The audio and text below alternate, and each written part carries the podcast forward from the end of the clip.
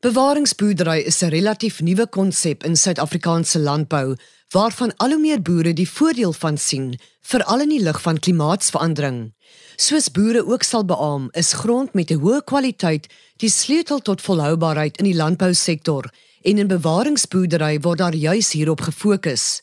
Om vir ons meer te vertel, kuier Dr. Johan Strauss vandag by ons. Hy 'n wetenskaplike in volhoubare verbouingsstelsels by die Wes-Kaapse Departement van Landbou. Die program word tegnies versorg deur Lindsey Johnson. Johan, baie welkom. Kom ons begin by die begin. Wat is bewaringsboerdery? Lisma bewaringsboerdery is 'n aanpassing wat gemaak is 'n paar jaar terug al hier in die vroeë 70's het die ouens in Suid-Amerika en Amerika en daar was 'n klein groepie in Brittanje ook oorspronklik ehm um, wat begin het met hierdie alternatiewe manier van van verbouing om hulle agtergekom het hulle verloor te veel grond as gevolg van erosie.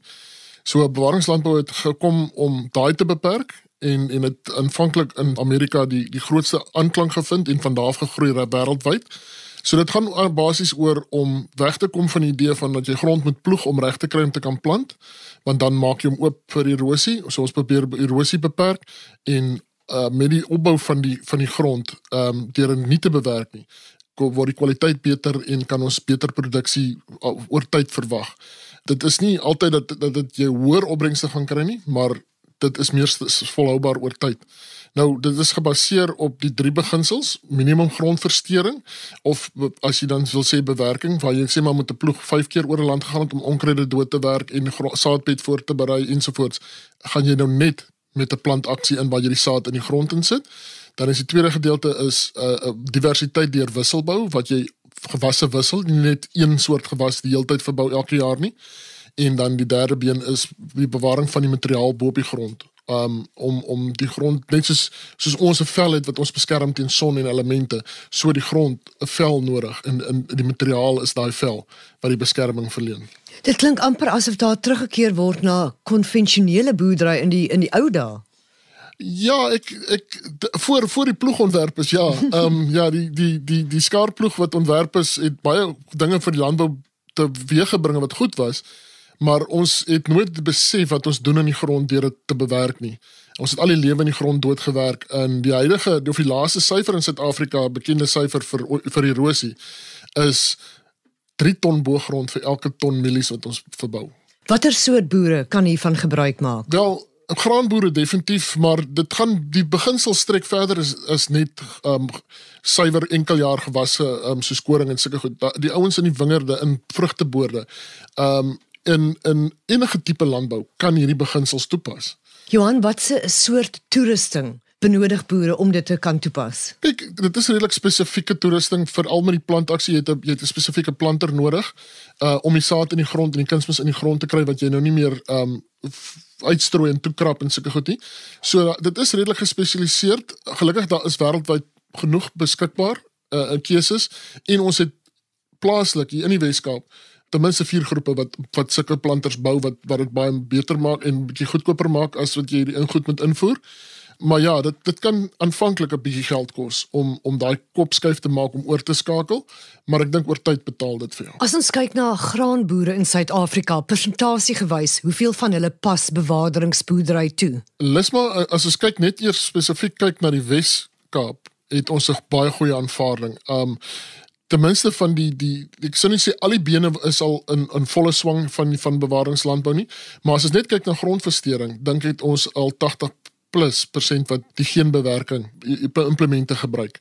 Ehm um, daar is in die res van die land is daar sterk groepe wat nou die laaste tyd opgekom het en veral in Natal is daar 'n groep wat al baie lank aan die gang is en dan het daar oral nou begin daar nou koppe uitsteek waar ouens groepies ouens begin het met die ding en word die Graan SA ondersteun en hulle probeer dit verder en verder vat soos daar by Ottosdal by Ryds in die Vrystaat om om so twee te noem. Ehm um, en dan het, natuurlik soos ek gesê die KwaZulu-Natal tot klub wat ook uitstekende werk doen. As 'n boer wil omskakel na bewaringsboerdery, waar begin hy en waar gaan klop hy aan? Wel, daar's redelik mense by wie hulle kan gaan gesels. Um hulle is baie welkom om met ons te kom gesels. Iemand soos Hendrik Smit van Graan SA is 'n baie goeie persoon om mee te praat. Um die KwaZulu Natal Club se webtuiste kan kan hulle kontakte kry en ons kan hulle na boere toe vat wat dit reeds doen en en uh, met om met gesels en te kyk wat hulle doen. Die groot ding is dis 'n ou daai besluit maak, begin klein. Moenie jou onmiddellik jou hele plaas dink jy gaan jou hele plaas doen nie. Vat een kamp op 'n slag en raak gewoond aan die ding en en, en ek het eendag met 'n um, produsent gepraat in naby Johannesburg wat omgeskakel het. Hy het vir 3 jaar lank navorsing gedoen en gaan kyk wat van sy vriende doen voor hy uiteindelik die stap gedoen het en 5 jaar later het hy gesê daar's nie 'n manier hy sal ooit terugdraai nie. Kat uit die boom kyk. Kyk die kat uit die boom uit, maak vergewis jouself en weet waarvoor jy in is en dan dan moet jy vasbyt. Dan wat daar so baie keer wat 'n ou hoor, ouens het gesê hulle doen op nou-till of geen bewerking na 'n jaar, o nee dit werk nie en dan nou op daarmee. Die kans dat na 'n jaar gaan werk is nie dalk redelik goed dat dit nie gaan gebeur nie. Dit is 'n ding tyd, tyd, tyd, tyd en nogmals tyd. Job se geduld en Salomo se wysheid. Dis korrek. Dit gaan bietjie langer vat om as ware die vrugte te pluk.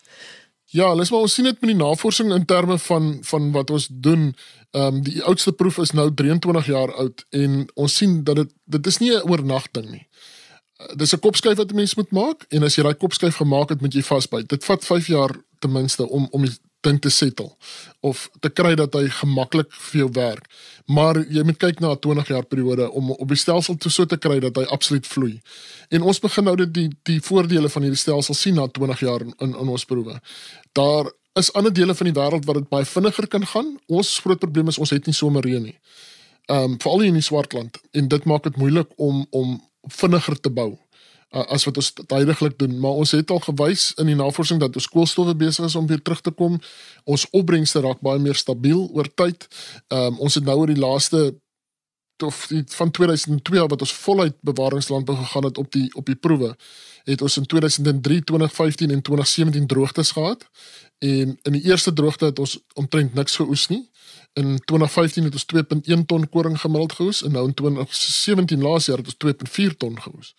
Stadig maar seker. So stadig maar seker, maar dit is tyd. Dit is ongelukkig tyd en as jy nie daai kopskuif kan maak nie, dan is dit loop gaan jy moeilikheid kry as jy wil oorskakel. Johan, jy praat van die droogte in die lig van klimaatsverandering. Hoe kan bewaringsboerdery as 'n teenvoeter dien?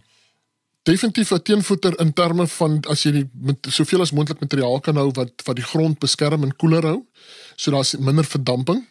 Ehm um, jy kan verder kom met 'n bietjie water ehm um, as jy bedekking op het as wat dit kaal grond is. En dan ehm um, die feit dat ons die grond nie meer ploeg uh, in nie, is ons besig om soos 'n woonstelblok onder die grond op te bou met groter en kleiner poreë waar daai water kan inhou en vashou. Baie goeie voorbeeld is op op Langewens is dat ons aan die aan die onderkant van die een proef is daar 'n ou plaasdammetjie. En hy het aan die begin van die proef volgeloop in die winter. Ons het vir jaar dekgewasse binne in die dam geplant. Daar is daar's die laaste paar jaar of dit ek by die proewe betrokke is, nooit regtig eers regtig water in die winter meer in die in daai dammetjie wat ophoop nie want die water loop nie meer af nie. Dit word in die grond ingeneem en daar gehou. Kaapnaars juig op die oomblik oor die goeie reën wat val. Beteken dit dat ons uit die moeilikheid is dat die droogte gebreek is? Ek is baie baie skepties om te sê ons is uit die moeilikheid uit. Ek dink ons gaan moet vasbyt vir nog 2 2 3 jaar om die damme regtig op ordentlik vol te kry en daar te hou. Ehm um, ons moet ons moet regtig dink in oor wat ons doen. Ehm um, ek dink ons moet definitief 'n kopskuif maak dat ons moet regmaak om minder water oor tyd te gebruik want ons raak al meer mense in die Weskaap en dit het definitief 'n impak op ons die waterbeskikbaarheid. So ons moenie mors nie. Johan, ek kan nie groet sonder om vir jou te vra of jy 'n verwantskap het aan die baie bekende musikale Strauss van Oostenryk nie. Ehm uh, as ek na my pa moet gaan, definitief nie want hy het altyd gevra of ek 'n grudge te musiek as ek sing in die stort. Soos ons by Dr Strauss gehoor het, is bewaringsboerdery waarskynlik die toekoms van die landbousektor, veral in die lig van klimaatsverandering. Dit gaan egter nie oornag die nuwe konvensionele manier van boerdery word nie. Ons gaan volgende week by twee boere kers opsteek wat wel reeds die omskakeling gedoen het en ook hoor hoe die verwoestende droogte in die Wes-Kaap hulle tot dusver geraak het. Die program word ondersteun deur die Wes-Kaapse Departement van Landbou. Ons groet tot volgende week. Onthou, die aarde is kosbaar. Kom ons bewaar dit.